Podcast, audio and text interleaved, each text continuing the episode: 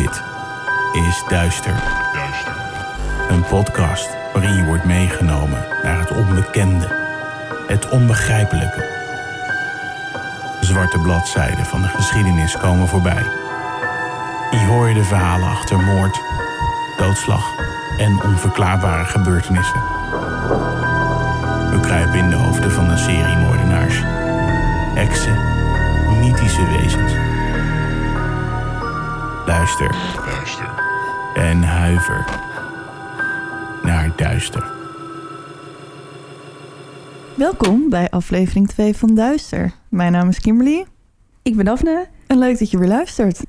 Hoe vond je vorige gegaan? Eh, ja, be- best wel leuk. Hij was wat aan de lange kant, maar dat wisten we. Maar we moesten natuurlijk even onszelf voorstellen en ehm, een goed verhaal ervan maken.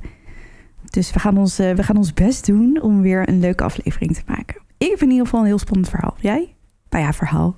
Ik heb spannende spoken. Heb je spannende spoken? Spannende spoken. Ja, mijn zaak is ook wel... Nee, is niet spannend. Het is vooral heel treurig. Oh, zielig. nu al. ik hou niet zo van treurig. Ja, ik heb het nou eenmaal over waar gebeurde misdaad. Ja, dat is Dus- waar. Maar goed, eh, jij eh, had van de week iets leuks gedaan. Vertel even snel. Ja, ik had schietles. Cool, heb ik ook wel eens gehad. was echt... ehm, ik was met een vriendinnetje, Samantha Stroombergen. En zij is thriller-auteur. En zij is iets georganiseerder als dat ik ben. Dus zij had dit jaar doelen gesteld dat ze schietles wilde. En nou ja, ik ging natuurlijk mee. Want ik lees en zie natuurlijk altijd over mensen die ehm, schieten. Ja, in boeken en zo. In boeken en niet, En in- films en niet, in, series. niet in het echte leven, godzijdank. Maar ik, ja, we waren bij een schietvereniging in Amsterdam. En we hebben met een geweer, een revolver en een pistool geschoten. Cool. En ik dacht dat ik het heel eng zou vinden. Maar dat viel eigenlijk reuze mee. En het was best wel goed. Nou, ik heb ook wel een keer geschoten. eh, maar ik vond die terugslag toch heftiger dan je denkt. En dan sta je dus met zo'n revolver, whatever het is. En dan schiet je. En dan denk je echt zo uit paniek doe je "Ah", zo met dat pistool in de Ik weet het niet, maar dat deed ik En dan niet. duikt iedereen echt weg achter balies en zo. Dus Ik weet niet jij geschoten ergens in Friesland of zo.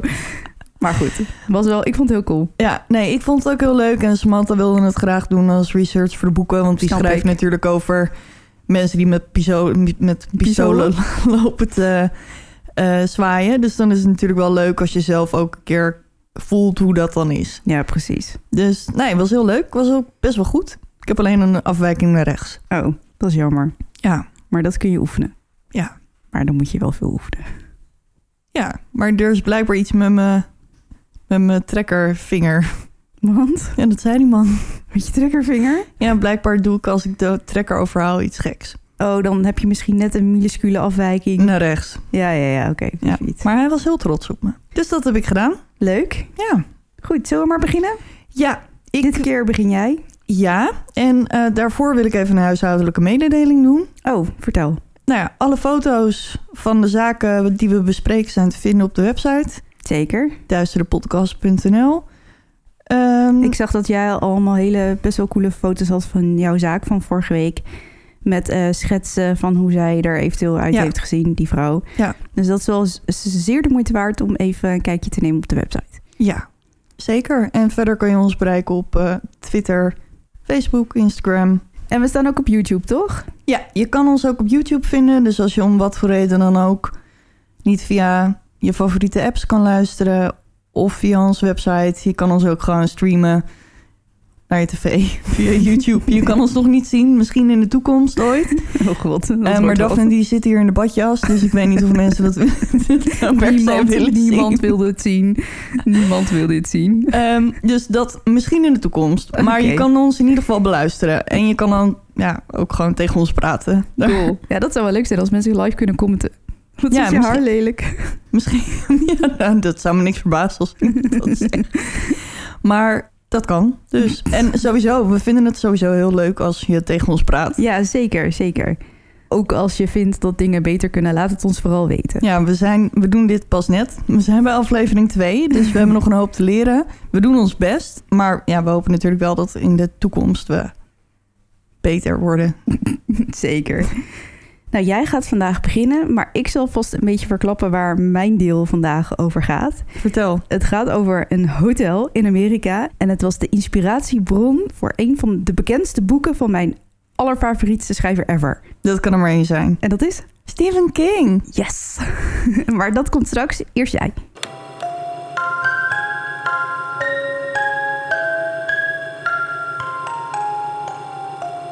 Vandaag ga ik jullie het verhaal vertellen van Kelsey Barrett. En Kelsey wordt geboren op 15 september 1989 in Washington, de staat Washington, Amerika. En ze groeit op in de buurt van Moses Lake. En vrienden beschrijven haar als een lief meisje die met haar lach de vreselijkste dag een stuk mooier kon maken. Oh. Ja, dat zal echt nooit iemand over mij zeggen, maar Jawel, ik zo. wel. Oh ja, ach, gelukkig, dan is er tenminste één. Ehm, haar moeder Cheryl Lee eh, kon ze geen betere dochter wensen. En Kelsey had maar één, maar één droom. Ze wilde piloot worden. Cool. En niet zomaar piloot. Straaljarige piloot. Nee, Oh. ze wilde piloot worden van een sproeivliegtuig. Een sproeivliegtuig? Ja, blijkbaar oké. heb je in Amerika... besproeien ze de velden Ja, daar ja. met... Klopt. eh, of met pesticiden of met Mhm. mest. Nou, dat wilde Kelsey dus worden. Een spannende baan wel. Ja, de moeder was het er niet helemaal mee eens. Die Echt vond een hoogvlieger. God, dan ben je toch grappig. maar goed, Kelsey's moeder die vond het prima dat ze piloot wilde worden. Maar of ze nou echt een sproeivliegtuigpiloot moest worden... dat was nog niet helemaal eh, het plan. Nee. Ehm, dus zodra Kelsey oud genoeg is, neemt ze eh, vlieglessen. En Mhm. gaat ze nou, naar college om daar haar brevet te halen. 2016 verhuisde naar Colorado voor een man die ze online heeft ontmoet. Oké. En dan heeft ze dus al haar piloten brevet diploma. Dan is ze dus al sproeivlieger. Of nog niet. Volgens mij is ze uiteindelijk nooit sproeivlieger geworden, maar wel Oh. piloot. Oké, cool. Ehm, dus ze gaat naar Colorado voor een man. En die man die heet Patrick Frazee. Hij is een lange, knappe man, een echte cowboy. En hij woont op een ranch en daar traint hij honden om vee te drijven. Oké. En daarnaast is hij hoefsmid. Dus hij verzorgt, ik las ergens dat hij ook ehm, de hoeven van ezels en zo verzorgt. Ja, dat is ook belangrijk.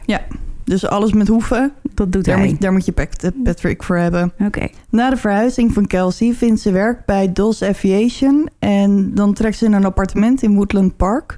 Mhm. En dat is ongeveer 20 minuten van de range van Patrick vandaan, want die woont daar met zijn moeder. In 2017 verloven ze zich. En begin van 2017 is eh, Kelsey in verwachting. En in de herfst bevalt ze van een meisje, Kaylee. Kelly. Kaylee. En Kelsey en Patrick zijn super blij, want nou, ze zijn eindelijk een gezinnetje. Maar ze blijven uit elkaar wonen. Oké. Apart wel. Ehm, ja. oh, god, god. Apart? Ja? Ja, het duurde even.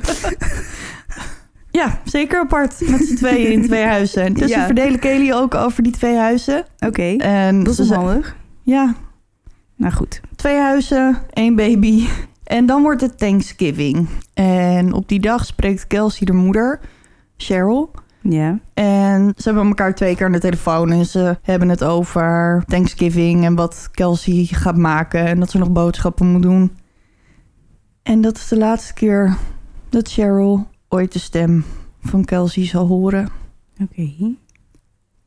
Kelsey gaat samen met Kaylee boodschappen doen om de laatste dingen voor Thanksgiving dinner te kopen. Nadat ze de supermarkt verlaat, stuurt ze Patrick een berichtje en biedt aan om een zoete aardappelschotel voor hem te maken. Ik moest even opzoeken hoe dat er dan uitziet, maar dat is dus gewoon... Er gaan blijkbaar ook marshmallows op. Huh?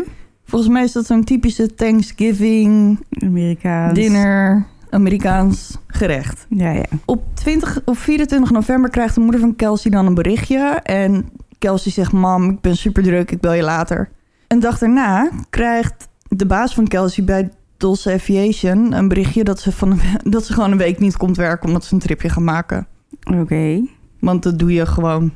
Toch? Als je een baan hebt, dan Nee, dat is wel zeg raar. je toch een dag van tevoren... yo, ik ben er niet. En ze werkt daar als vlieginstructeur. Dus dan, Is het super raar dat ze niet ineens, dat ze ineens een week niet komt. ja, je zou verwachten dat je dan, net zoals wij doen... van tevoren je vakantie inplant. En Ja, dan... precies. Ondertussen krijgt ook Patrick berichtjes van Kelsey. Volgens mij lijkt het erop dat Kelsey helemaal in de war is... en dat ze niet meer weet of ze nog wel van Patrick houdt. En ja, ze weet het allemaal niet meer. Oké, ook vreemd. Ja, want ze waren blijkbaar heel erg gelukkig... en nu in één keer Weet ze niet meer wat ze weet ze niet meer wat ze wil en wil ze de verloving verbreken en dat soort dingen. Maar Cheryl, de moeder van Kelsey, hoort ondertussen een week niks van haar. In de eerste paar dagen had ze nog zoiets van, nou ja, ik weet het niet, maar ze is druk, ze is moeder, ze heeft haar baan. Maar een week was wel heel erg lang. Mhm. Dus ze belt Patrick om te vragen of hij weet waar Kelsey is.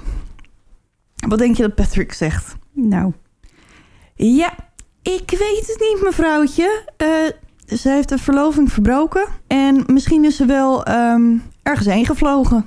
Met een collega. Oké. En waar, waar is het kindje dan? Ja, blijkbaar bij Patrick. Oh, oké, gelukkig. Ja, dus die, die is er wel. Maar Kelsey heeft gewoon de benen genomen. Die is hem. Ineens. Gevlogen. Gevlogen. Maar ja, de moeder heeft zoiets van, nou, dat vind ik zo raar. Kelsey zou dat nooit doen. En helemaal niet met haar babytje en zo. En helemaal wegvliegen met een collega. Want alsof ze een vliegtuig in haar achtertuin heeft staan. En gewoon vertrekt. Dus uiteindelijk belt ze de politie of ze dan een welfare check willen doen. En Dus dan gaat de politie bij het huis langs om te kijken of, er, Mhm. of ze oké is. Nou, ze komen eraan en ehm, er is niemand thuis. Dus ze verschaffen zich toegang tot de woning. Want haar auto's staan namelijk wel voor de deur. Oké. En dat vind ik altijd zo gek in Amerika. Als er hier geen auto of wel een auto voor de deur staat... betekent niet automatisch dat wij thuis zijn. Maar blijkbaar doet... omdat wij kunnen ook op de fiets weg of met de trein of met ja, de tram dat of is lopen. daar toch wel echt anders Ja. hoor. Want het is altijd, in alles wat je ziet, is altijd... Oh, de auto stond voor de deur, dus ze moet wel thuis zijn. Ja, zo werkt het hier natuurlijk niet. Nee, maar ik snap wel dat het daar wel echt Ja. meer op die manier werkt. Ja, want ze doen daar natuurlijk vrij weinig zonder auto. Mhm. Ehm, dus ze vinden in haar woning vinden ze wel haar mobiel en haar autosleutels en haar tas. Maar ja, die sleutels die liggen er wel en die auto staat voor de deur. Maar ja, waar is Kelsey dan? Er ontbreekt wel een wapen wat Kelsey heeft. Oké. Dus de politie moet wel concluderen dat Kelsey er dus niet is. Want ze is niet op de werk, ze is niet bij Patrick. Ze heeft geen contact met haar moeder. Dus waar is ze dan in godesnaam naartoe?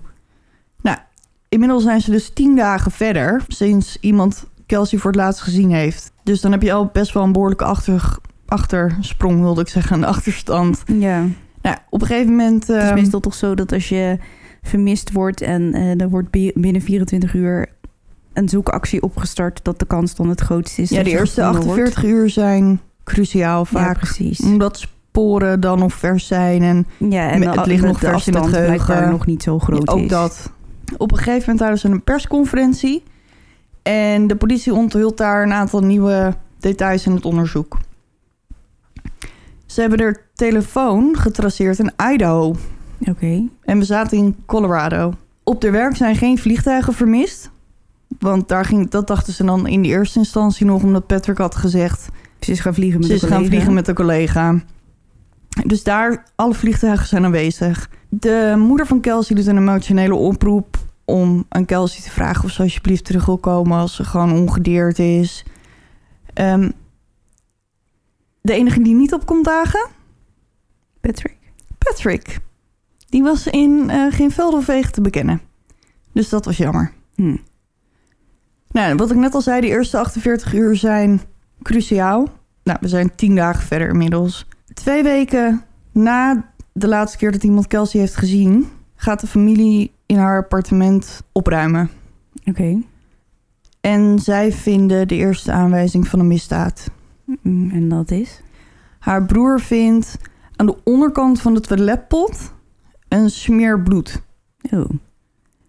En de politie heeft dat niet gezien, want als die een welfare check doen... dan kijken ze eigenlijk gewoon in het huis Niet per se niet per se naar sporen. Maar Ja, kijk, natuurlijk wel als het, als het huis overhoop gehaald is. Daar gaan er eerder alarmbellen rinkelen dan... eh, Ja, maar het huis was gewoon spik en span.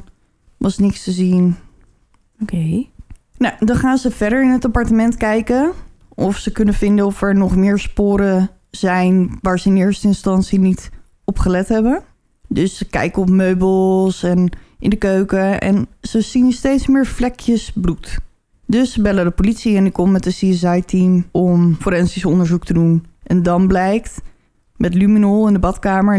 Luminol is een stof die zich hecht aan onder andere bloed. Als dat gehecht is, dan ligt het op. Ja, precies. Dus als je met zo'n UV-lamp eroverheen gaat. Ja, dat hoeft dus niet eens. Ik heb het opgezocht. Eh, luminol is een geel-groene chemische stof die oplicht in het donker als het in contact komt met onder andere bloed of lichaamsappen. Dus je hoeft niet per se Met zo'n lamp. met zo'n lamp. Dus als je gewoon het licht in de badkamer uitdoet, Dan is het al genoeg. dan is het al genoeg. En het zat overal. Oh, jezus. Ja.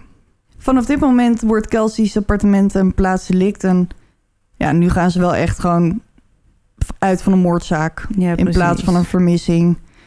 En terwijl ze bezig zijn in Kelsey's appartement, pinkt haar telefoon vlakbij Gooning, Idaho. En dat is ongeveer 1200, meter, 1200 kilometer verderop. Oké. Maar ja, de politie vindt het een beetje raar, want ja, op dit moment gaan ze er natuurlijk niet meer vanuit dat ze nog leeft. Als het nou vorige week was gebeurd, dan, dan was het een ander verhaal geweest. Maar nu, zo'n lange tijd later, nadat ze dus al de bloed hebben gevonden, Maar haar telefoon staat dus ook nog aan na tien dagen. of iemand heeft hem aangezet. Oh ja, dat zou kunnen. Dus het kan ook zijn dat hij vanaf de vermissing uit heeft gestaan en dat ze hem nu aan hebben gezet. Mhm. De kans bestaat dus dat ze zelf is vertrokken. Ehm, en de familie van Kelsey woont in Idaho.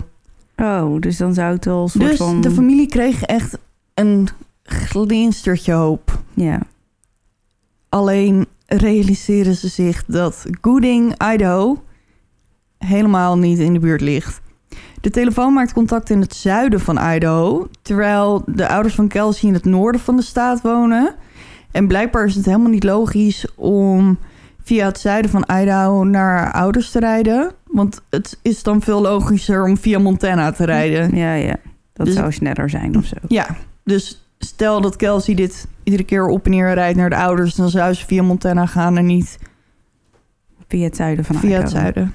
Oké. Dus de politie vraagt de lokale politie in Idaho om te kijken bij die paal waar die telefoon aan gepinkt heeft. Maar die vinden helemaal niks. Er is alleen wel een andere connectie met Idaho. Want Patrick heeft zijn telefoon ingeleverd. En als de politie daarop kijkt, vinden ze een nummer uit Idaho. En dat nummer hoort bij een vrouw. En dat is heel gek, want de vrouw belde Patrick precies 10 minuten nadat de telefoon van Kelsey pingde op die plek in Idaho. Oké. Dus dat is wel een beetje gek. Dan komen ze erachter dat de naam van die vrouw Crystal Lee Kenny is en ze woont in Idaho. Ineens is de vrouw de belangrijkste aanwijzing die de politie heeft. En ze duiken in haar verleden, maar ze is eigenlijk helemaal niet. Ze heeft geen crimineel verleden of zo. Oké. Het lijkt erop dat ze een hele normale vrouw is in Idaho die houdt van branches, paarden, rodeo's, cowboys. En dat is die vrouw in Idaho Ja. die Patrick heeft gebeld Ja. tien minuten nadat hij telefoon heeft gepinkt van Kelsey. Ja. een korte samenvatting. Ja, klopt. Snappen we het nog? Ja. Oké. Nou, dit is op dit moment de enige aanwijzing die de politie heeft. Dus die grijpen ze met twee handen aan. Dus ze pluizen de telefoongegevens van Patrick en Crystal uit. En ze vinden enorm veel telefoontjes. En dan helemaal na de verdwijning van Kelsey. Dus nu wil de politie natuurlijk Crystal zo snel mogelijk ondervragen. En omdat we nu via Colorado en Idaho twee verschillende staten hebben, wordt de FBI erbij betrokken. Ja, ja. Omdat dan zit je weer met jurisdictie en dat soort omgang. Dus de FBI ehm, wordt erbij betrokken en die geeft eh, Crystal een belletje. En als ze haar bellen zit ze in Las Vegas met vrienden voor een rodeo. En agent John Crushing is degene die haar belt. En hij is bij de FBI. En hij vertelt haar dat ze onderzoek aan het doen zijn naar Kelsey Barrett. En Crystal zegt... Kelsey Barrett? Hm, nee, Nooit van Nooit gehoord. van gehoord. Nee, ik snap niet dat je me belt. En dan zegt hij, maar weet je dan misschien waarom de telefoon van Kelsey in Idaho gepinkt heeft? En toen zei hij, nou, ja, ik heb wel wat gehoord op het nieuws, maar nee, geen idee wat die telefoon in Idaho doet. En dan vertelt John Grussing dat de telefoon vlakbij haar huis gepinkt heeft. En dan zegt Crystal... Nee, ik woon minstens een uur verderop. Dus die agent heeft zoiets van... Verhaal. Ja, we kunnen toch precies zien aan welke kant jij woont en waar niet. Dus hij ondervraagt er verder en Crystal blijft alles ontkennen. Dus hij denkt ook, nou, ik weet het niet. Waarom doe je zo moeilijk? Als je niks te verbergen hebt, dan hoef je ook niet zo vaag te doen. Dus, nou, hij vraagt op een gegeven moment, ja, maar Patrick, ken je Patrick dan? Nee, nee, die ken ik ook niet. Hm. Dus hij zegt, nou, mevrouwtje, vind ik een beetje gek, want eh, we hebben je telefoonnummer in zijn telefoon gevonden. Zegt ze, oh, die Patrick. Ja, met hem ik, heb ik een eh, zakelijke relatie. Maar wanneer heb je hem dan voor het laatst gesproken? Ja, ja, een maand geleden, anderhalf. Dus, eh, oh ja, en ze zei ook nog van ja, we hebben met Thanksgiving nog even geappt om gewoon even elkaar een fijne Thanksgiving te wensen. En toen in één keer besloot ze ook om vanuit Idaho naar Colorado te rijden. Dus in de eerste instantie kennen ze elkaar helemaal niet. En nu hebben ze elkaar met Thanksgiving nog geappt en heeft ze gelijk besloten.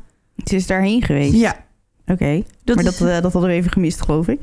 ja, dat vertelt ze dus nu. Oh, dat vertelt ze nu. Ja, Maar Patrick heeft het daar helemaal niet over gehad. nee.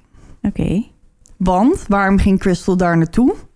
Ze had samen met Patrick een paard gekocht. Ah ja. Maar nu wil Crystal dat Patrick haar uit ging kopen. Want ze had die 4000 dollar, want blijkbaar hadden ze alle twee 4000 dollar ingelegd. En ze ging verhuizen, dus ze had die 4000 dollar nodig. Dus Patrick moest er uitkopen. Maar toen ze er aankwam, ze had 13 uur in de auto gezeten, Mhm. was Patrick in één keer heel druk Oh. met iets anders. Dus ze is op een gegeven moment bij een tankstation gaan staan en nou, is in slaap gevallen. En aan het eind van de middag ontmoeten ze elkaar en dan bespreken ze de verkoop van het paard. Maar Patrick zegt, nou, dit is niet echt het goede moment, dus ik heb er last van mijn rug. Dus ik heb dat geld nu niet. En ik snap wel dat als je hoefsmid bent, dat werken misschien lastig gaat. Dus wat doet Crystal? Prima joh, Patrick. Maakt allemaal niet uit. Ik ga in mijn auto stappen en ik rij weer 13 uur terug naar Idaho. Oké, ja, maar ze moet toch wat. Ja, ze kan moet daar, toch terug. Ze kan daar moeilijk eh, voor zijn deur blijven liggen. En maar nou, allemaal geen probleem. En ehm, dus de agent die vraagt op een gegeven moment... maar heb je dan misschien een persoonlijke relatie met Patrick? Nee, nee, nee, nee, nee. is allemaal puur zakelijk. Maar die telefoongegevens, die laten natuurlijk gewoon iets heel anders zien. Mhm. Naast die telefoontjes en berichtjes tussen de twee... hebben ze ook de locaties van, van die telefoons. En daar blijkt dat de telefoon van Kelsey... in de buurt van die van Crystal is geweest. Oké, spannend. Ja, dus als ze Crystal ermee confronteren dat haar telefoon op hetzelfde moment als die van Kelsey dezelfde route aflegt, dan vraagt de agent op een gegeven moment: Maar heeft Patrick misschien in je auto gezeten? Weet je dat hij die telefoon misschien daarin heeft gelegd? Want het is natuurlijk niet zo gek om ervan uit te gaan dat de verloofde van Kelsey daarmee te maken heeft.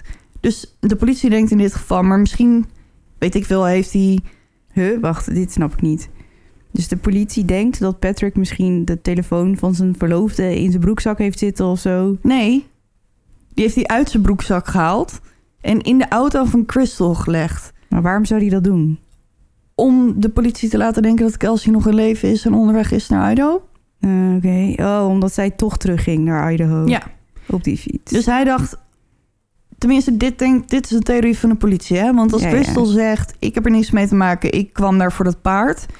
Dan en ze kan weet het, echt van niks. en ze weet echt van niks. Dan heeft Patrick misschien, weet ik veel, ze heeft een raampje open gedaan. En hij hangt door het raampje heen en hij laat en hij heeft die die telefoon, achter de stoel neergelegd Ja, of ja. zo. Oké, dus als ik het goed begrijp, die politie die denkt dus dat Patrick misschien iets heeft gedaan wat hij niet had moeten doen. Ja. En om de waarheid af te leiden, zeg maar, Ja, heeft hij die telefoon in de auto van Crystal gedaan. Ja. Zodat die gevolgd zou kunnen worden naar Idaho, waar familie van Kelsey woont. Ja.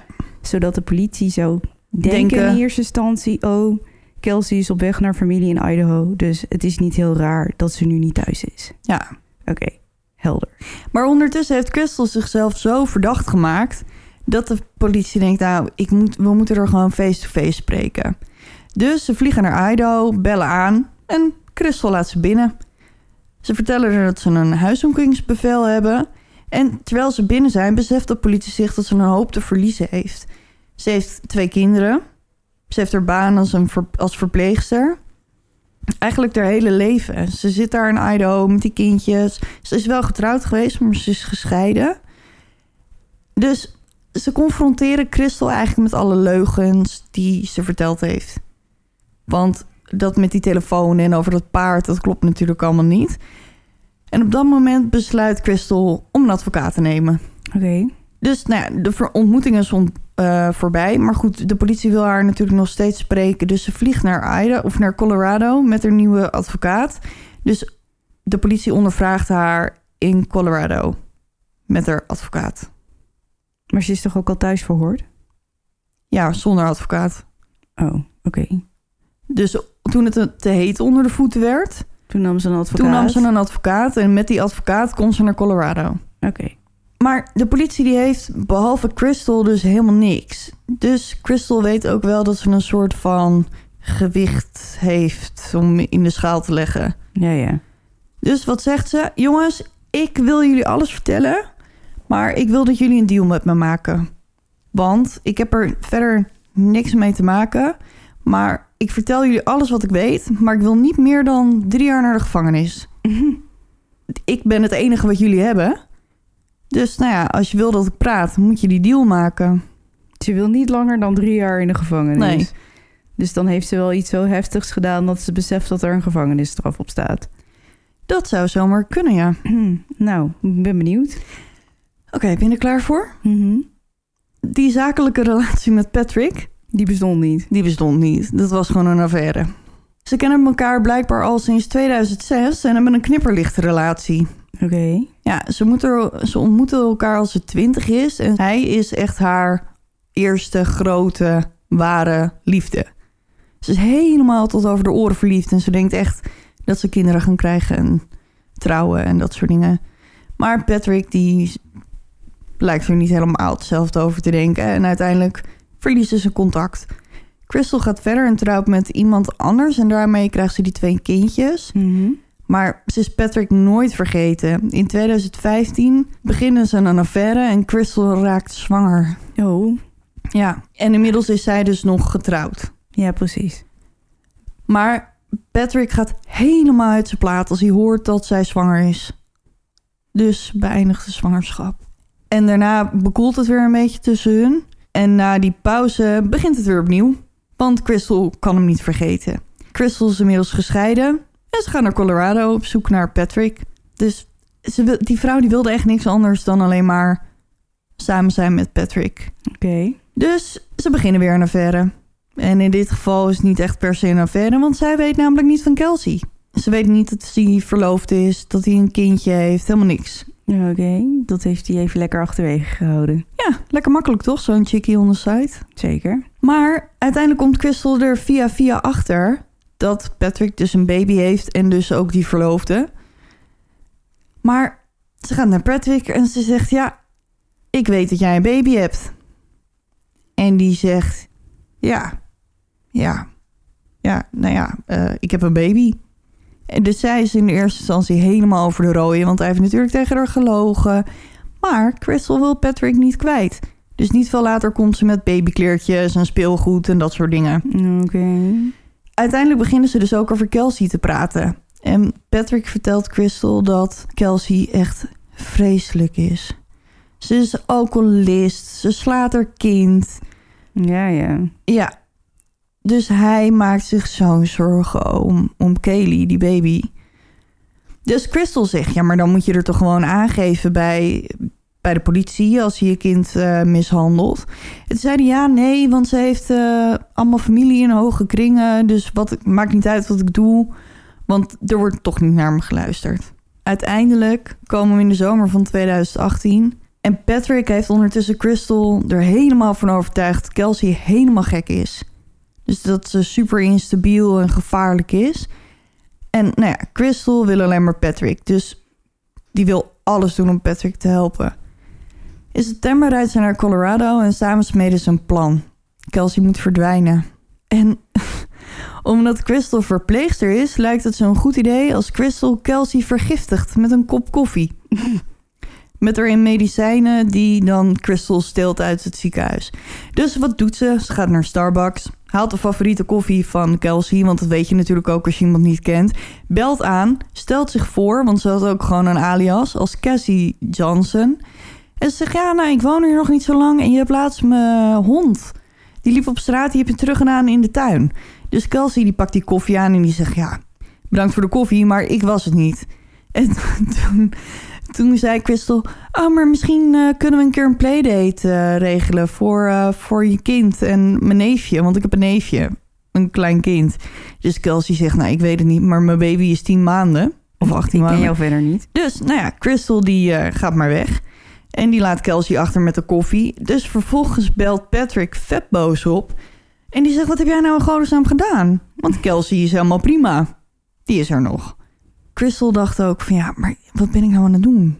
Maar Patrick zit zo op erin te praten. En Kelsey is gevaarlijk voor mijn baby, dus ze moet verdwijnen. Dus ze komen met het volgende plan. Patrick geeft er een lode pijp en die zegt... als je nou er naartoe gaat en dan verstop je je bij het huis van Kelsey... en als ze dan aankomt of naar buiten komt, dan knuppel je er dood. Oké. Ja. En hij zegt ook, nou, dat is helemaal niet zo moeilijk. En weet je wat je ook moet doen? Je moet op het achterhoofd slaan, want dan heb je niet zoveel bloed. dus ze gaat naar Kelsey's huis, stapt uit haar auto met haar metalen pijp en wacht. Maar op een gegeven moment begint er ergens een hond te blaffen. Dus ze schrikt, stapt in de auto en rijdt weg. Ja, ja. Ja, echt hoor. Als dit niet bloedserieus zou zijn, dan zou het echt een soort van slechte comedy misdaad serie zijn, dit.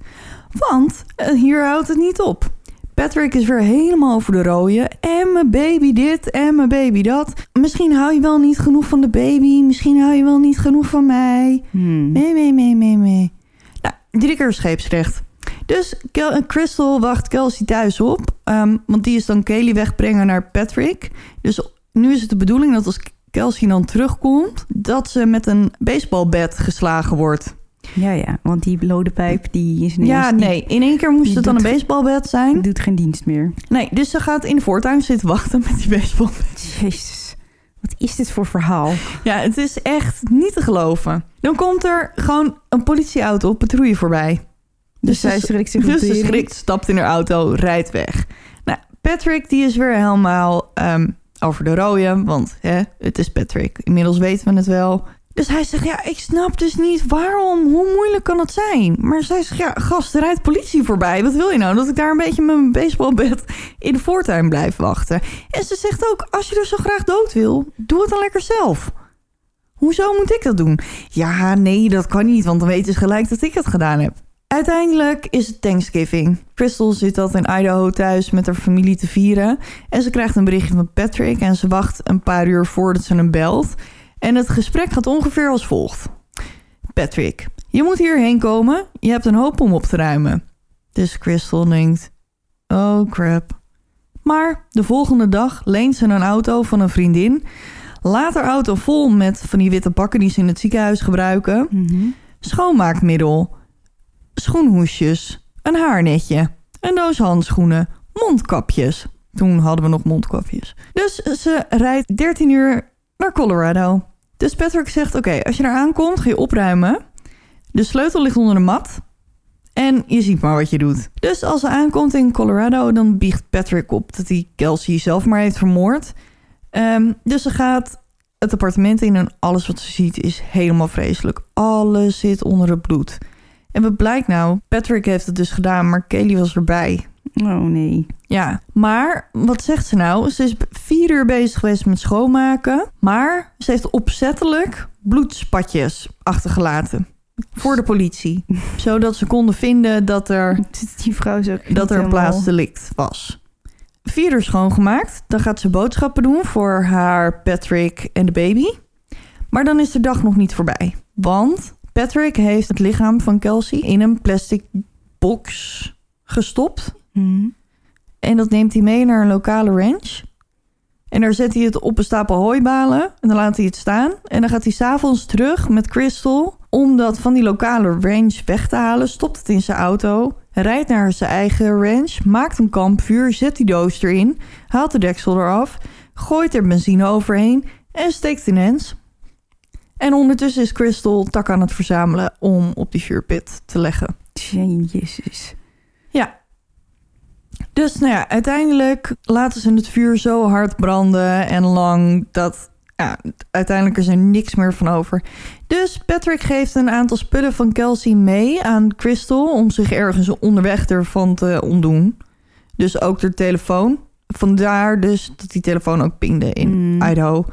En in meer dan 12 uur gelooft de politie dat Patrick het brein achter de moord is. En Crystal gewoon echt Super dom is. super dom is. Want alsof Patrick daarna met haar gaat trouwen en zo lang en gelukkig met baby Kaylee zullen leven. Dus een maand na Thanksgiving pakt de politie Patrick dan eindelijk op. En na een jaar komt Patrick voor de rechter voor acht verschillende aanklachten. Twee keer vermoord met voorbedachte raden. Drie Drie keer. Ja, ik weet dus ook niet. Ik, dacht ook dat ik het niet goed las. Dus maar hij heeft al iemand eerder. nee, Sinds hij ik wordt denk dat... vermoord van een andere. of, eh, Up. Hij wordt verdacht van een andere moord. Nee, ik denk gewoon twee keer dezelfde. Maar misschien omdat ze twee keer die poging gedaan hebben. Of drie keer. Want hij is ook... ehm, oh nee, want hij wordt ook nog... ehm, drie keer verzoek om een moord te plegen wordt hem te lasten gelegd. Twee keer misdaad met geweld. En één keer van verhullen van het bewijs op een lichaam. En dan denk je dat we het allemaal gehad hebben. Het cir- cirkeltje is rond. Patrick die wordt opgepakt. Die gaat naar de gevangenis. Maar nee, toen hij in voorarrest zat, zat hij met een of andere pipo in de cel. En die gaat naar de politie en die zegt: Luister, die Patrick, hè? Ik ging uit de gevangenis en die Patrick die ging me brieven schrijven. En niet zomaar brieven. Nee, Patrick wilde graag drie mensen vermoord hebben. Gewoon een beetje zo van: ja, die Crystal die gaat me echt de das omdoen. Mhm. Dus die kan wel een kogel in haar kop gebruiken. Ja, ja. Dus die brieven worden onderzocht. En uiteindelijk lijkt het dus wel verdacht veel op het handschrift van Patrick. Maar dat, hij zou ze toch ook gestuurd hebben? Ja, maar goed, die, die Pipo uit de gevangenis, die kan natuurlijk gewoon zeggen wat hij wil. Er moet wel een soort van bewijs zijn dat, dat Patrick het ook daadwerkelijk heeft geschreven. Oké. Op 19 november 2018 wordt Patrick veroordeeld tot een levenslange gevangenisstraf zonder kans op vervroegde vrijlating. De jury deed er maar 3,5 uur over om hem schuldig te verklaren. En de rechter geeft hem er nog eens 156 jaar extra eh, bovenop voor alle vreselijke misdaden die hij heeft begaan. Crystal hoeft maar drie jaar naar de gevangenis. Want dat was de deal. Want dat was de deal. En Kaylee blijft dus achter zonder ouders. En die wordt nu opgevoed door de ouders van Kelsey. Top. En dat was het verhaal van Kelsey Barrett. Het hele treurige verhaal van Ja. Kelsey Barrett. Maar dat je gewoon drie keer er naartoe gaat. Ja, wat bezielt die vrouw, hè? Ja, dat maar je je blijkbaar gek kan laten maken door iemand. Dan is het maar goed dat Patrick nu 156 jaar... eh wegrot. Dus nou ja, dat was mijn verhaal voor deze week. yo, Deze aflevering. deze aflevering. Ja, ben je klaar voor de jouwe? Zie. Laat maar komen dan.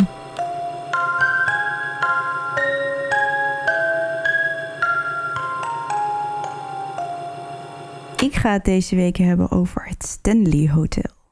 Het Stanley Hotel. Het Stanley Hotel.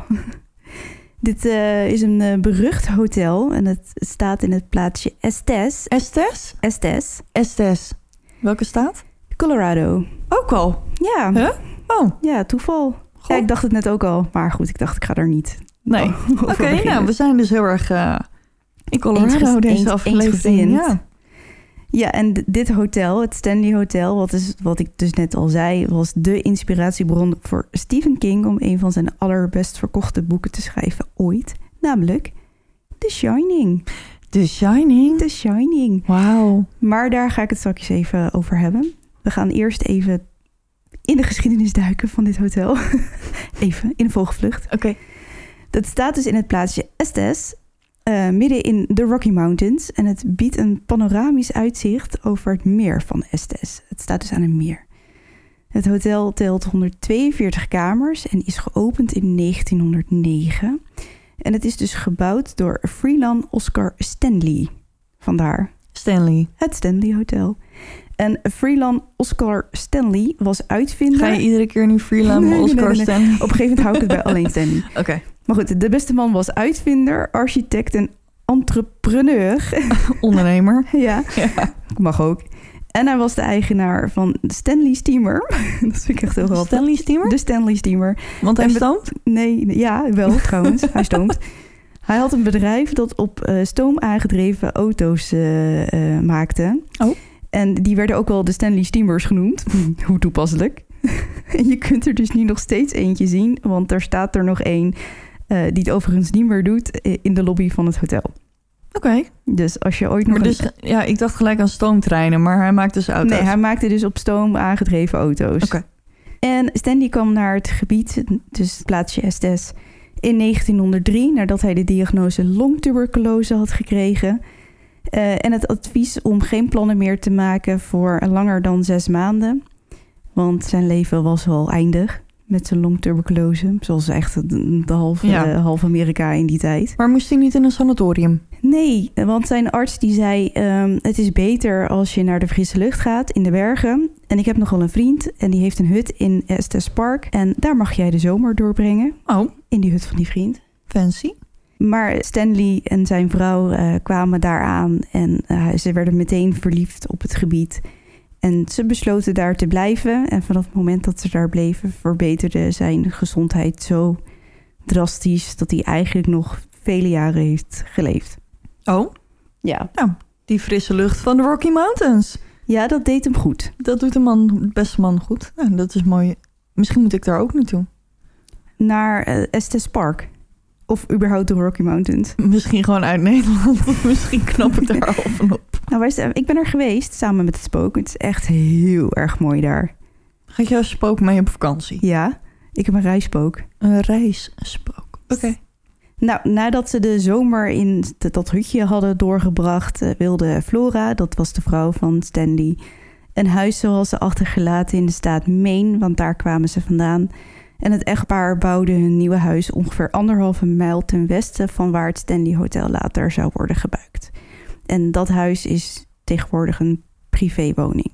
Snap je het nog? Ja. Dus hun eigen huis is eerder gebouwd dan het hotel Oké, check. Ehm, en hij wilde dat hotel bouwen omdat hij het zo mooi vond, de, het gebied. En hij wilde dat meer mensen daarvan konden genieten. Dus toen kwam het idee voor een hotel.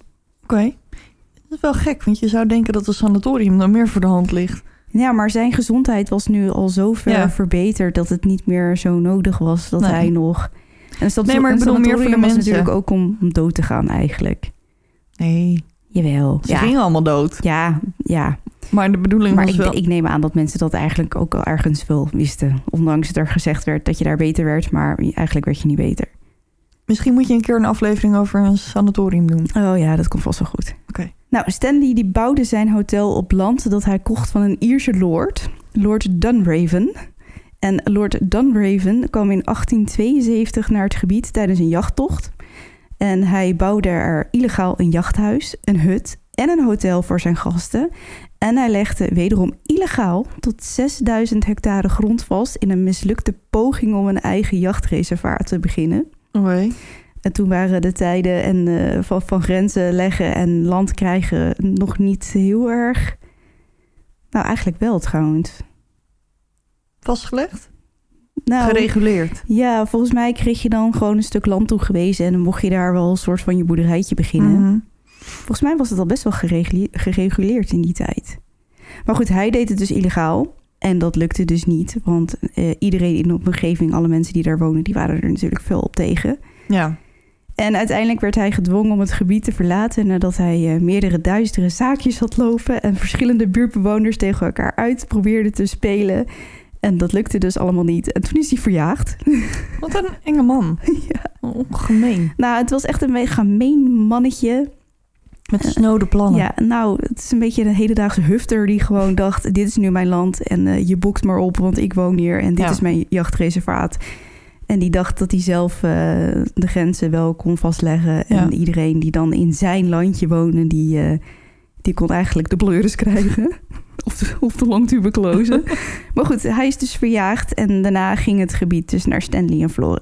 En in 1906 begon de bouw van het hotel. Het hout en de stenen werden verkregen uit de nabijgelegen bergen en de bossen. En het hotel werd gebouwd in een Georgische bouwstijl. Dat is eigenlijk veel ouder dan de 19e eeuw. Maar eh, in de 19e eeuw heeft het nog een soort van opleving. Opleving gehad. En in 1909 werd het zeer luxe hotel voltooid. Zonder kosten te besparen. Uitgerust met stromend water, elektriciteit, telefoons. En het enige wat nog ontbrak was de hitte van de zon. Want het hotel was bestemd voor zomergasten. Maar je, zit, maar je zit midden in de Rocky Mountains bovenop een berg. Dus ja. de kans dat het daar echt heel erg mooi weer is. Ja, zomers, hoogzomer. Maar het is daar meer winter dan zomer. Ja, maar het klinkt wel echt goed. Wat? Het hotel. Ja, maar het is ook heel erg mooi als je het van binnen ziet. Ik zou zeker even kijken naar de foto's of zoek hem even op. Want het is echt super mooi. Nou, het Stanley Hotel heeft eh, veel beroemde gasten ontvangen. Waaronder de Unsinkable Molly Brown. Wie? De Unsinkable Molly Brown. Want die kon niet zinken. Nee, dat, nee zij, is- zij is uiteindelijk niet gezonken. Nee, zij zat op de Titanic en heeft het overleefd. Oh, wauw. En daardoor heeft zij de bijnaam Unsinkable Molly Brown gekregen. En zij was in haar tijd gewoon een hele flamboyante eh, vrouw. Die een soort van beroemdheid, een soort van influencer, zeg maar. Oké. En eh, zij werd vooral bekend omdat zij de scheepsramp heeft overleefd. Ehm, Theodore Roosevelt was een van de gasten, de keizer van Japan, vraag me niet welke. Bijna iedereen die op dat moment populair was in Hollywood moest natuurlijk wel naar het Ja. Stanley Hotel om het te bezoeken. Nou, dat aan eh, de bouw en het ontstaan van het hotel. Dan gaan we gelijk door naar de geesten, want daar draait het natuurlijk allemaal een beetje om. We beginnen in kamer 217. Dit is de kamer waar Stephen King heeft overnacht samen met zijn vrouw. En waar hij naar eigen zeggen de inspiratie vond voor zijn boek The Shining. Weet je waar het boek over gaat? Nee, want ik ben niet zo'n fan als jij. Mm, stom. Ik heb ook de film nog nooit gezien. Niet? Nee. Het vervolg is nu uit, hè? Dr. Sleep. Ja, ik hoorde al dat we daar naartoe moeten, maar ik heb deel 1 nooit gezien. Geef niet, hoeft niet per se. Oké. Ik, ik ga het je nu vertellen, oké? Ja, Dan kunnen we gelijk ja. even Dr. Sleep kijken. Ja. Oké, cool. Je hebt je badjas aan, hè? Ja, dus? Ja, maar dan moeten we naar de bios. Nee, man, ik heb hem toch hier. Oké. Hij is al lang uit. Oh, oké. nee, ga verder. Oh, goed, nou, The Shining in het kort. Het gaat over een schrijver, Jack, die een enorme writersblok ervaart. En om extra geld te verdienen een winterbaantje aanneemt in het Overlook Hotel in Colorado. En samen met zijn vrouw en zoon moet hij het onderhoud van het hotel verzorgen tijdens barre wintermaanden als het hotel leeg staat. Dus compleet afgezonderd van de buitenwereld en worstelend met zijn alcoholverslaving gaat het steeds slechter met Jack en hij raakt steeds verder van de werkelijkheid verwijderd. Hij ziet geesten die hem vertellen dat zijn vrouw en zoon slecht zijn en dat ze hem het hotel willen afnemen, waarna Jack volledig doordraait en zijn gezin probeert te vermoorden. Oh, Nou, of dat lukt, dat moet je dan maar een keertje lezen. Of je hebt Kijken. de film gezien en, Ja. of het boek gelezen en je weet hoe het eindigt. Maar goed, terug naar kamer 217. Eh, Stephen King logeerde dus in die kamer. En hij kwam op het idee voor zijn boek eh, nadat hij en zijn vrouw als enige in het hotel verbleven aan het einde van het zomerseizoen. En hij heeft s'nachts die, tijdens die nacht dat hij daar sliep, een enorme nachtmerrie gehad over dat zijn zoon verdwaalde in de gangen van het hotel en werd gewurgd door een van de eh, brandslangen Die aan de muur hingen. En daar, dat, dat was, daar werd hij, dat was zo'n onsamenhangende nachtmerrie dat hij wakker is geschrokken eh, op het balkon een peukje heeft staan roken. En toen dacht hij, wacht, dit, dit is het. En hij had echt naar eigen zeggen binnen vijf minuten het plot al in zijn hoofd. oh wauw. Dus moordende brandslangen. Ja, moordende brandslangen. Maar goed, je moet je voorstellen dat hij en zijn vrouw dus als enige in dat hotel zaten aan het einde van het seizoen. En ze aten in de lege dinerzaal waar de helft van de stoelen al was opgeborgen voor de winter. De lege whiskybar met keurig gepoetste glazen, niemand te vinden, lege gangen. En de laatste vaste hotelmedewerkers die uiterst vriendelijk hun werk deden. En zij zaten Maar- daar met z'n tweeën. En zij te zaten daar in het hot- enorme hotel met z'n tweeën. Ja. Heb je dat niet? Dat je, soms, dat je ergens soms bent en dat het heel erg, eigenlijk heel erg uitgestorven is. En dat je wel oké bent en ineens denk je, maar ik zit hier helemaal alleen. Nee. Nee? Oh, Nee. Ik heb dat wel eens gehad. Oh. En vooral in Amerika. Nou goed, dat hotel had zo'n enorme, eenzame, groteske uitstraling... dat King zich voorstelde hoe het moest zijn om in de barre wintermaanden alleen in een spookhotel te moeten zijn. En wat het dus met je verstand en je gedachten zou kunnen doen. En Ja. na die nachtmerrie was het raak en dacht hij, ja, Dit is het. dit is het. Niet wetende dat het een van zijn allerbekendste boeken ooit zou worden. Oké. Terug naar kamer 217. Dat is de kamer waar King dus overnachtte. Ja. En daar woont een geest, Mrs. Wilton. En Het is een vrouw. het is een vrouw. Mrs. En zij was de hoofdhuishoudster van het hotel in 1911. En eh, zij is ernstig gewond geraakt tijdens een zware storm midden in de nacht waarbij de elektriciteit uitviel. Eh, Mrs. Wilton werd door de manager op pad gestuurd om de olielampen aan te steken, want dat was hun enige backup plan wat betreft licht in het hotel, want de Ja. elektriciteit was uitgevallen. Ja. En ze hadden natuurlijk nog geen eh, noodgeneratoren. Maar goed, Mrs. Wilton wist niet dat er in kamer 217 een gaslek was ontstaan. Oh.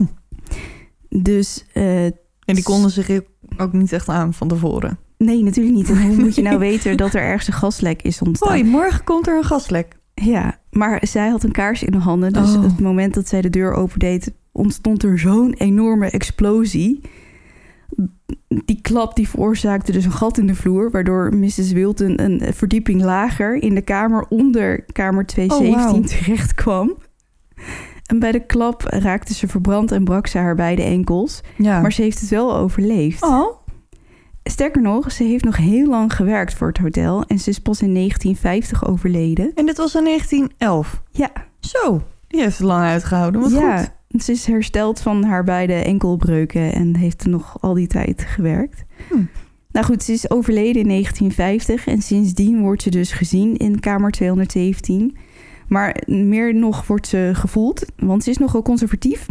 En Mrs. Wilton houdt er niet van als ongetrouwde stelletjes in kamer 217 verblijven. En s'nachts voelen zij iemand die bij hen in bed kruipt en ze dan uit elkaar probeert te duwen. Meen je niet? Ja. Oh, maar jij En dan je... lig je in bed en dan denk je, oh, dat is mijn mannetje. Ja, En dan blijkt het Mrs. Wilton te zijn. die denkt, nee, nee, dit gaat niet gebeuren. Dat doen we niet. Nee. Dan hebben we de concertzaal. En daar gebeurt een heleboel paranormale herrie. Paranormale herrie. Paranormale herrie. Ze hebben een spookband. Nee. Jammer. Nee, daar, daar hoor je heel vaak Paul. En Paul is een van de bekendere geesten van het hotel. En eh, hij was een, een manusje van alles en is in 2005 overleden aan een hartaanval op weg naar huis. Oh. Eh, maar hij was, nog, hij was niet autistisch, maar hij was nogal ja, narrow-minded, zeg maar.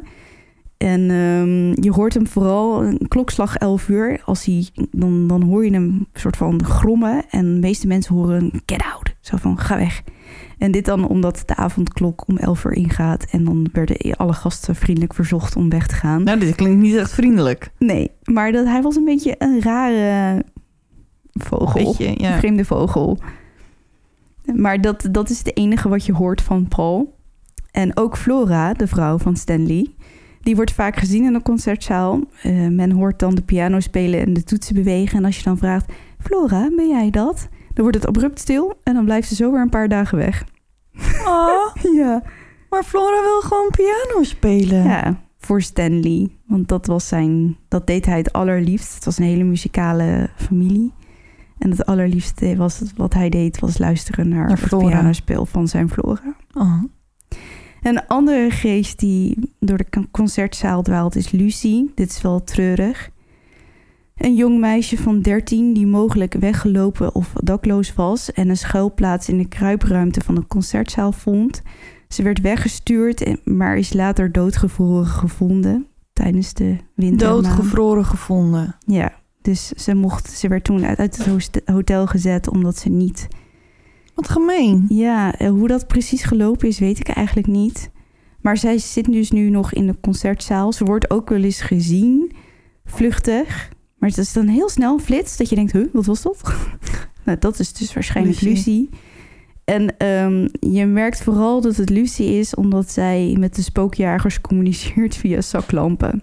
Oh. Dus als je vraagt, Lucie, ben je er? Dan gaan je zaklampen aan of uit. Ja, want dan leggen ze meestal een zaklamp neer.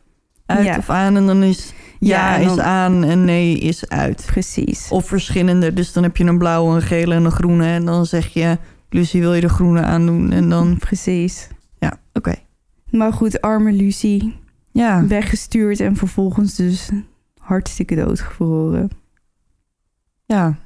Maar ze, heeft toch, ze is daar dan toch gebleven. Ja, ze is daar zeker gebleven. Ja. Nou, dan hebben we kamer 428. Deze vind je wel leuk, denk ik. Oh. Het gaat over een cowboy. Oh, En die, eh, in deze kamer vind je de meeste activiteit. Dus als je een kamer boekt in het Stanley Hotel... en je zegt, ik wil de meest haunted room... dan krijg je, als je mazzel hebt, deze kamer.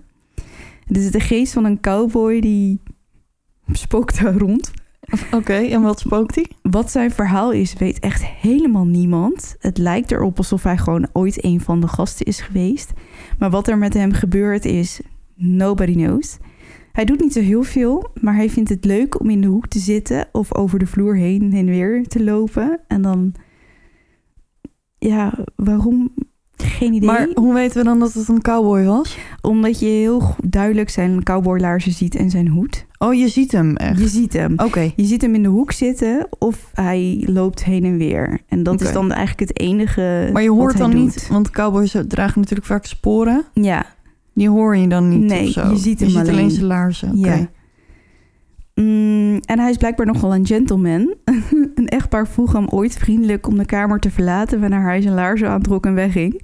Oh, ja. wat een schatje. Dat is En beter dan een Miss, eh, Miss Wilton. Mrs. die, Wilton, eh, ja, die je vervolgens uit elkaar duwt. ja. Maar men twijfelt eraan of het een intelligente geest is of niet. Want soms, als je aan hem vraagt: ben je er of wil je weggaan? Dan tikt hij tegen zijn hoed en dan verdwijnt hij. Dus dan Lijkt het wel alsof hij je gehoord lijkt heeft. het inderdaad alsof hij communiceert. En je ziet hem ook echt kraakhelder, alsof hij er echt staat. Oh. Oeh. Ja. En dan in één keer, poef, is hij weg. Dus dat... Ja, niemand heeft erachter kunnen komen of hij echt ehm, een intelligente geest is Ja. of niet. Maar goed, ehm, wat wel een beetje creepy is... dat sommige vrouwen wakker zijn geworden in het holst van de nacht... omdat hij over ze heen gebogen stond om ze een kus op hun voorhoofd te geven. Oh, maar dat is toch schattig? Dat is echt zo'n hij, vaderlijk is echt gebaar. een, hij is echt een gentleman. Oh. Maar goed, ik, eh, ik neem aan dat iedereen wel een man kan respecteren... die ook na de dood eh, nog lief is voor de dames. Ja. Dus dat is het verhaal van de cowboy. Maar wat, wat hij nou daar doet... Wat hij daar gedaan heeft en hoe hij daar het loodje heeft ja, gelegd. of waarom hij daar of, is, of hij er überhaupt... niemand weet het. Er zijn Nee. ook geen gegevens over hem te vinden.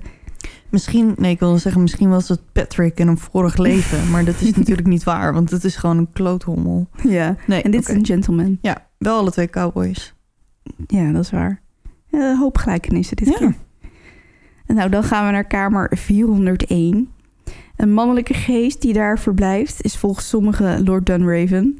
Die man die... Oh, die eh, gemene man van het land. Ja, die eh, weggejaagd is. Die blijft naar, eh, verblijft naar verluid in deze kamer. Hij heeft het hotel natuurlijk nooit in zijn leven bezocht, Nee. want hij is verjaagd. Ja. En omdat het pas 20 jaar na zijn vertrek is gebouwd. Maar heeft natuurlijk wel op dat land gewoond. Ja. En hij had daar een jachthut. Dus de kans is groot dat hij niet per se In het hotel, In het maar hotel. gewoon op de grond is blijven hangen. precies. En Lord Dunraven verstopt zich meestal in de kast. Waarom daar, weet niemand. Omdat hij bang is dat iedereen hem van zijn land af gaat jagen Dat zou natuurlijk. misschien wel kunnen. Ja. Maar vooral vrouwen voelen dat iemand in de kamer met hun haar speelt... of een arm om een middel slaat... of een hand die langs de achterkant van hun been glijdt. Een beetje handtastelijk, die meneer. Heel Ja, erg maar die cowboy maar dan. Ja, dat is een gentleman. Ja.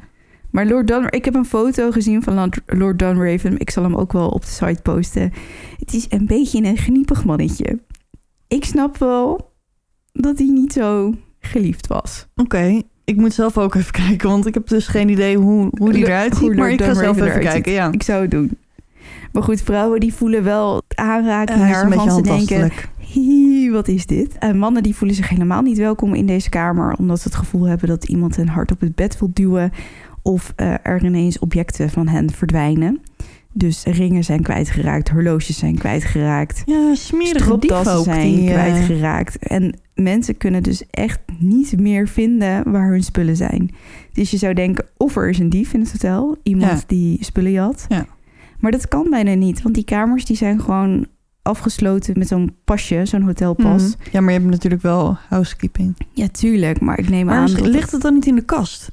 Want dat Lord Dunraven dan met zijn buit zo in het hoekje van de kast kruipt. Maar het is toch naar? En daar je nieuwe stropdas zitten kijken. Ja, ik weet, ik weet het niet. Nou, er is dus een tijdje geleden, daar las ik een, een eh, hotelinspecteur geweest. En die zei, die was met een assistent. En ze, die assistent die geloofde heel erg in geest. En die Oh. vond het super eng om naar het hotel te gaan. En hij zat een beetje, oh nee joh, sceptisch, eh, bestaat allemaal niet. En toen gingen ze dus naar kamer 401. En hij trekt uit een soort van, ja, eh, ja, hoe zeg je dat? Een soort onoplettendheid trekt hij die kastdeur open. Oh. Ziet Lord Dunraven, schrikt zich helemaal een touwtje. Is dat hotel uitgerend. En is de assistent compleet vergeten. Heeft zijn auto gestart en is weggegaan. Nou ja, zeg. Maar was dit een soort van recensent? Of was het een... een, een Nee, het was een inspecteur. inspecteur. Gewoon een hotelinspecteur die dan komt checken of het schoon is. Ja, oké. En- nee, want ik dacht, je hebt natuurlijk ook van die recensenten die dan... nee, nee, deze man die was heel sceptisch en die dacht spookhotel, Ja. spookhotel. Ja, Nee joh. ga lekker weg met je spookhotel. Ja, die en hij ging zelf lekker weg. Watje. Nee, maar ik zou denk ik ook Jij zou mij ook Ja, achterlaten. maar ik zou ik niet. Ik krijg een hartval. Ik sterf ter plekke in die kamer. Ik ga bij Lord Dunraven in de kast zitten, denk ik. Maar als ik een kastdeur open zou trekken en ik zie daar iemand in zitten, no way. Ik ben weg, doei. Ik heb bij. Maar goed, in het programma Ghost Hunters implodeerde een glas nadat ze daar een nacht eh, in die kamer hebben geslapen. En dat stond op het nachtkastje en ik er pats, er implodeerde het zonder aantoonbare reden. En ze zagen op de beelden de kastdeur open en dicht gaan. Oeh, Lord Dunraven kwam uit zijn holletje gekropen. Zeker. Zij Zack niet. Show yourself. Ja. Manifest yourself. Nee, dat was, eh, dit is eh, Ghost Hunters. Oh, Maar oh ja, dat, zijn is die andere. soort- ja, precies. Maar die, die doen volgens mij nu niet meer shows maken, of wel? Nee, niet, niet dat ik weet. Ik weet het eigenlijk ook niet. Nou, we moeten even een keertje Spook? opzoeken. Spook? Is eh, Ghost Hunters nog steeds actief?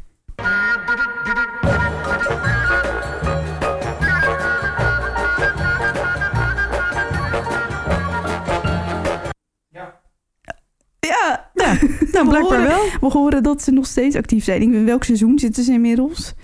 12. 12. Oh, dan zijn ze minder lang bezig dan, eh, Ghost dan Adventures. Ghost Adventures. Want die Ja. zitten volgens mij echt in seizoen 19 of zo ondertussen. Ja, die zijn wel eh, al een tijdje bezig, ja. nou, gelukkig hebben we dat uitgezocht. nou, dan hebben we nog de tunnels. Want wat zou een, een spookhotel zijn zonder tunnels? Tunnels, ja. En dat is een behoorlijke hotspot in de, in de tunnels onder het hotel. En die tunnels werden daar door voormalig medewerkers gebruikt om door het hotel te navigeren. Want ehm, het was makkelijker om vanuit de keuken bijvoorbeeld naar e- één kant van het hotel te lopen dan, dan dat je het hele hotel door moest lopen met je dienbladje met eten. Ja. En, ehm, eh, Alle ja, deuren door. Sommige vreemde verzoekjes, zeg maar, van Ja. gasten. Dat was, Ja. was dan makkelijker om dat door de tunnels te doen. En eh, er wordt gedacht dat een van de voormalige kok, eh, koks, koks, Kok- kokken? koks, kokkinnen, koks. Ik weet niet of een man of de vrouw was. Oké. Het was chef-kok, maar dat kan natuurlijk Ja, man of beide vrouw slaan. Ja. beide slaan. En ehm, ze denken dat het een chef-kok is, omdat er soms ineens een vleugje van heerlijk vers gebakken brood door de gangen Oh, lekker vaart. man. Ja, of ehm, soms hoor je gemurmel en bestekgerinkel. En dan lijkt het alsof er heel erg... Mensen in de keuken bezig ja, zijn. alsof er druk gekookt wordt. Alsof het echt in drukke tijden, glorietijden van het hotel... Ja, Alsof er geschreeuwd en gejoel en eh, nou goed, alsof er men druk aan het werk is in de keuken. Maar eh, het belangrijkste is, is de geur van vers gebakken brood. En er wordt ook beweerd dat deze tunnel een hang- hangplek is voor een overleden kat. Oh, een een overleden kat. Ja, een spookpoes. En heel veel mensen hebben deze poes al gezien. En ze valt ook nog maar nogal op met haar felgroene gloeiende ogen. Dus men ziet een grijze kat met felgroene ogen. En dat is dan de spookpoes. Maar hoe heet die poes dan? Dat weet ik niet. Spookpoes. Dat zou ik wel even opzoeken. Laat ik het weten. De spookpoes. En de tunnels zijn uitgehouwen uit steen dat veel kalksteen en kwarts bevat. En iedere geestenjager weet dat dat een natuurlijke geleider is voor geesten. Is dat zo, ja? Ja, en blijkbaar vinden energie het heel makkelijk om, net als bij koperdraad, Mhm. om die stenen bevatten zoveel energie. Ik weet wel dat er op leelijnen heel veel dingen gebeuren altijd. Ja, ik weet niet of dit hotel op een leelijst staat. Waarschijnlijk als ze het gaan onder- onderzoeken vast wel. Ja. En er is ook niet zo heel veel bekend over het feit waarom nou juist dit specifieke hotel zoveel geestverschijningen heeft. Nee.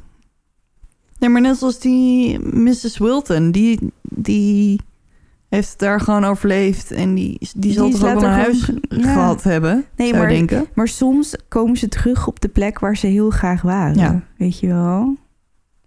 Waar nou- je je thuis voelt. Ja, ja. Ja, maar waarom nou specifiek dit hotel? Geen idee. Nou ja, ze heeft er wel echt heel lang gewerkt, Ja. zij dan, Misschien was ze ook wel vaker aan het werk dan dat ze thuis was. thuis was. En ze was toch wel conservatief. Dus ik neem niet aan dat ze een heel levendig gezin had met zeven kinderen die ze dan ook nog... Misschien dat ze juist wel zeven kinderen, omdat Ja. ze, Dat zou kunnen. misschien dat ze er wel elf. Ze zag er wel uit als een soort van spontane vrouw. Maar ik vind het lastig om maar in te schatten hoe ze daadwerkelijk was. En dan hebben we nog de, voor, de Vortex. Oh, de vortex mag natuurlijk niet ontbreken. Nee, dat ehm, de, de, de trap van die in de lobby omhoog gaat naar de eerste verdieping. Ja, Dat is een soort trap die recht omhoog gaat en dan aan beide kanten uitloopt, waardoor er de volgende trap daar rechtsboven staat. ja. En dat gaat zo door en over alle verdiepingen. Dus omdat het een enorme spiraalvorm heeft, ehm, in combinatie met het kwarts en het kalksteen, lijkt het wel alsof het een soort van spanplek is voor geesten. Heel veel mensen die ook foto's maken van de lobby, want het is een vrij imposante lobby als je binnenkomt. En het eerste wat je doet is. Een nou foto het- maken. Het eerste wat je ziet is de, de, de enorme trap. Dus Ja. iedereen denkt, oh klik, mooi foto. En heel veel die foto's zien men, ziet men dus, Weird en Elaminies? eh, nee, geesten echt. Oké. Je ziet heel vaak ehm, echt een gestalte. Het is wel altijd net een beetje anders. Het is nooit één persoon. Maar het lijkt wel alsof die spiraal heel erg eh, een soort van aantrekkingskracht heeft op geesten. Oké. Omdat het zo. Je, als je ook boven, ook boven staat en je kijkt naar beneden, dan is het ook een soort van slinger. Het is ook wel een Maar soort weet van je waar ik magisch om dus naar te moet kijken. denken? Weet je nog dat we mijn favoriete programma Ghost Asy- Asylums... Ja? met die jongens uit Tennessee... ja, ja, met Jace en- ontzettende accent. Heerlijk accent. maar zij proberen altijd een geest te vangen. Oh ja. En dan maken ze dus altijd van die, van die, van die apparaten. Ja. En dan is de bedoeling dat ze dan een, een geest vangen. En dan nemen ze hem mee naar Tennessee en dan Ja, laten ze eh, hem ja, daar eh, vrij. Ja, ja, ja, ja, ja. Maar zij werken ook altijd met energieën en driehoeken en dat soort. Ja. Dus het voelt een beetje in mijn hoofd als zo'n Ja, ja, maar dit is natuurlijk een soort van... Natuurlijk. nat- ja, maar natuurlijk het is, wel, het is wel gebouwd. Maar omdat het zo mooi in een spiraal gaat... lijkt het wel eh, alsof, ja... Alsof, alsof het zo wat moet zijn of zo, Ja. weet je wel. Maar ik zal een paar foto's op de site zetten... waarbij je daadwerkelijk dus gestaltes ziet. Ik ga zo gelijk even googlen. Want Ik zou het doen, man. kan niet wachten. En ehm, ik zag laatst nog een ander programma, want ik ging natuurlijk een beetje onderzoek Ja. doen naar dit hotel. Maar nou blijkt dat op de eerste verdieping, er is een soort van tussenplateau. Dus je gaat omhoog, dan heb je een plateau en dan komt er weer een trap. Ja, Dus eigenlijk een soort van tussenlaagse trap. verdieping. Snap je? Een, trap in twee delen Ja. met dus een plateau. En op dat plateau hangen meerdere spiegels tegenover elkaar. Oh, oh. En dat mag dus niet. Nee, Nou, want dan krijg je toch een soort van oneindig loop. Precies. Ja, en het, die mensen in dat programma, het heet Sam Cole, volgens mij. Het staat op YouTube. Het is wel leuk. Zijn vier jonge gasten, zijn een beetje rare, of, rare gozers. Maar op zich maken ze wel een soort van leuk programma. En zij zijn heel erg aan het ontdekken of geesten sta- bestaan of niet. Oké. En daardoor gaan ze allemaal haunted locations af. Maar zij, ik weet ook niet, ik heb het ook niet in andere programma's gezien. Misschien heeft men het zich nooit gerealiseerd. Maar ze hebben gelijk, want op, de eerste, op dat plateautje hangen dus meerdere spiegels tegenover elkaar. Ja. En dat veroorzaakt inderdaad een, zo'n infinite loop dat je daar dus in zou kunnen verdwalen als je geest bent. Ja, ik zat, ik zat het me even voor te stellen. Ik was het maar aan het visualiseren hoe dan ik dat zag eruit dat je ziet. inderdaad heel raar keek. Ja, maar ik dacht, je hebt zo'n plateautje en daar hangen Ja, dan ja, spiegels ja, en die hangen dan... Ik zal er een foto van posten, dan kun je het zien. Ja, Maar dat is dus de vortex. De vortex. de vortex. Nou, dan hebben we nog de spiegel. Nog een spiegel. Ja, maar dit is een andere spiegel. Weet je het zeker? Zeker. Oké. En eh, hoe deze... Ik vind het een hele coole spiegel. En niemand weet ook hoe deze spiegel in het hotel terecht is gekomen. Hij is namelijk veel ouder dan het hotel zelf. Oké. Maar je... Het is dus een antieke spiegel in een antieke antiek spiegel hotel. In een antiek hotel. Hij staat opgeslagen in de kelder van de concertzaal... en hij wordt door hotelmedewerkers, hoe toepasselijk, de Creepy Mirror genoemd. Origineel. Maar wat er nou met deze spiegel aan de hand is... ehm, er wordt gezegd dat hij heel veel energie bevat. Dus als je hem ziet staan, dan denk je al... "Huh, wat is dit voor een raar ding? En de grap, tussen aanhalingstekens, met deze spiegel is... is dat je ervoor gaat staan, een foto neemt van jezelf... en dan later op de foto zie je in de spiegel figuren en gestalten staan. Dus net als Harry Potter. Net als met Harry Potter. Dat zei ik al, het is een soort van Harry Potter spiegel. Dus zodra je de foto maakt, dan kijk je naar jezelf, zie je niemand.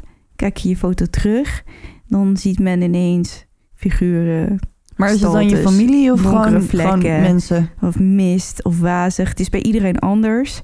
Nee, het is niet per se herkenbaar, maar het lijkt wel alsof er... Het, eh, eentje, één iemand heeft een foto gemaakt van zichzelf in de spiegel. En daarbij zie je een soort van mist op zijn schouder. Alsof er iemand achter hem staat met zijn hand op, Op zijn op schouder. zijn schouder. Maar op het moment dat je die foto maakt, voel je niks. Maar als zodra je dan die foto terugkijkt, dan krijgt mensen een heel naar gevoel. Oh, Maar het is natuurlijk ook wel raar als je een foto maakt Ja. van jezelf in een en je spiegel. ziet niks. En je ziet niks. En, je dan kijkt terug er- en dan ja. in één keer staat je hele familie, je spookfamilie achter je. Ja. Dus dat is de creepy mirror. Maar waar dat ding nou vandaan komt... Niemand weet het. Niemand weet het. Misschien heeft Lord Dunraven? Dunraven die spiegel naar binnen gesmokkeld. ik heb geen idee. Misschien was hij wel van Lord Dunraven. Ja, misschien stond hij nog in het hutje op het terrein. Ja, je hebt geen idee. Ik denk, als ik het zo een beetje inschat... dat Flora misschien ooit heeft gekocht... om het hotel op te leuken of Ja. zo. Gewoon als, Als, als spiegel, als ja, zo van, kijk eens, dan hebben we een mooi spiegel om Ja. op te hangen. Maar dat er misschien vaker mensen zijn geweest die dachten... "Huh, wat is het voor naar ding? Eén ding. En dat, En dat die- ze hem naar beneden hebben gebracht Ja, en weggestopt in een hoekje. Precies. Dat, dat denk ik. Dan heb ik nog wel een aantal facts en figures. Dat lijkt me wel grappig over Ja. dit hotel. Dingen die ik niet per se wil, wil bespreken, maar die ik wel grappig vind. Namelijk dat je zou denken dat de film The Shining opgenomen is in het Stanley Hotel. Ja, de, waar anders? Nou, in het Timberline Lodge Hotel in Oregon. Nou ja, zeg. Waarom zou je dat nou doen? Geen idee. Maar als je The Shining kijkt, dan denk je wel... Wow, wat een supermooi hotel. Maar dat is dus niet, Niet het het Stanley, Stanley Hotel. Nee, Oké. Nou, ehm Freeland Stanley zelf heeft nog een behoorlijke tijd geleefd. Hij stierf in 1940 aan een hartaanval. Oh, dus niet aan longtuberculose. Nee, niet in 1903 kwam die geloof ik uit mijn Ja. hoofd naar het gebied. Dus hij heeft zeker nog, eh, ik weet niet hoe lang geleefd. Ja, maar dat in ieder geval meer dan zes maanden. Ja. En het Stanley, Hot- Stanley wilde het hotel eh, Hotel Dunraven noemen. Naar Lord Dunraven? Ja. Why? Ja, geen idee. Maar de lokale bewoners vonden dat niet zo'n hele leuke naam. Dus vroegen ze aan een lokale krant om een wedstrijd te organiseren. Om het hotel aan een nieuwe naam te helpen. Eh, Sorry. Je hoort ik al alleen in 1909 dit. Dus er werd zelfs een prijs uitgereikt van 10 dollar. En 132 buurtbewoners deden mee aan die wedstrijd. Oh, wow. En uiteindelijk werd de prijs aan niemand gegeven, want ehm, Stanley gaf toe en hij noemde het hotel naar zichzelf, namelijk het Stanley Hotel. Waarom heeft hij dan niet het Flora Hotel genoemd of zo? Hij was Ja, zo gek Flora- op zijn vrouw. Maar als Flora ook Stanley van de achternaam heet. Ja, maar, ja, maar ja, of, ja, dat ze allebei Stanley heten, snap ik. Maar al- had Ja. natuurlijk als een soort van eerbetoon naar Ja. zijn vrouw waar hij zoveel van hield, dat heel makkelijk kunnen doen. Maar Ja. dat deed hij niet. Hij Nee. noemde het naar zichzelf. Maar misschien ook omdat hij dan de associatie met de auto's. Want je hebt natuurlijk die Stanley Steamers en dan het Stanley Hotel. Dat je denkt, oh, maar die, die Ah, hij is dat een soort van imperium aan het bouwen. Ja. Ja. dat had gekund. Of misschien was dat wel zijn gedachtegang, ik weet het niet. Dan is het ook maar eh, beter dat hij het het Stanley Hotel Ja. heeft genoemd. En Ja. niet het Dunraven Hotel. Nee, dat zou vreselijk. Ik wil niet weten waar Dan Raven dan had gezeten. Aan de bar waarschijnlijk. Een beetje iedereen te commanderen. Ja, maar In plaats van in de kast. Ja, freaky. maar goed, je kan dus nu natuurlijk nog steeds naar het hotel. Als je daar nu wil eh, overnachten, dan kost een kamer tussen de 200 en 750 dollar. En Best pittig. Je zou denken dat de spookkamers altijd bezet zijn. Is niet zo, Waarom niet? omdat mensen het toch niet heel erg durven. Maar je kunt, eh, je kunt van tevoren een eh, spookkamer boeken en die zijn wel duurder dan 750 dollar. Oké, maar als ik dan niet meer in de kamer durf te slapen en ik wil midden in de nacht eruit, Dat mag, dan mag je naar, mits het hotel niet vol is, dan mag je gewoon verkassen. dan mag je verkassen. Oké. Ik wil wel bij die cowboy slapen. Misschien kun je aan hem vragen wat hij daar nou eigenlijk doet. Ja. Hmm. Maar die cowboy die gaat, dat was ik nog helemaal vergeten te vertellen, die gaat soms ook op de rand van het bed zitten naar je kijken. Dus dat is wel een beetje freaky. Nee, ik vind hem een beetje vaderlijk. Vaderlijk? Ja, ik weet niet. Maar ik heb het gevoel dat het een jonge, een jonge gast was. Gewoon een soort van gentleman. Ja. ja. Ik vind hem vaderlijk. Mag. Oké. Maar niemand weet het. Nee. Nou, dit was het voor mij vandaag. Het Stanley Hotel. Ja, cool hè? Ja. En nu gaan we Dr. Sleep kijken. Oké. Dus laat even je, je reactie achter op de socials. Duister de podcast. Op Twitter kan je ons vinden op eh Duisterpot. Weet ik veel, dat vraag je me Ja. iedere keer. Het is toch jouw Ik ding? moet hier alles alleen doen. Schrijf het even op anders. Ja, Oh, nee, wacht, ik, ik heb het. wel een briefje op mijn voorhoofd. Kan Ja, dan kan ik het zien, want je zit zo lekker tegenover me. Nee, ik zal het er even... ik heb het hier toch. Oké, Twitter, Duisterpot. Instagram, Duister de Podcast. Facebook, gewoon even zoeken op Duister de Podcast. De website, duisterdepodcast.nl. En het zou ons heel erg helpen als je je abonneert... als je het leuk vindt om te luisteren op een bijvoorbeeld like. Spotify. En laat een review achter op iTunes... als je daar via luistert. Yes, we zijn heel erg benieuwd. En alle foto's van het hotel en eh, Kelsey vind je natuurlijk op de site. Die zullen we er even bij zetten. Ja. Nou, bedankt voor het luisteren iedereen. En onthoud, Oh god, ik weet het niet meer. Daphne, Blijf in het licht. blijf in het licht. Want je weet nooit wat er in het donker op je wacht. Oké, we gaan het doen. Blijf in het licht. Want je weet nooit wat er in het donker- duister, in het op, je op je wacht. Jezus Christus, wie is hier nou... eh? Ja, wie is hier nou? Ik raak gewoon in de war van jou. Maar we heet het toch duister? Dan ga je Ja. toch donker zeggen? Ja, waarom niet? Ja. Oké, Blijf in het licht. Want je weet nooit Wat er in het duister op je wacht.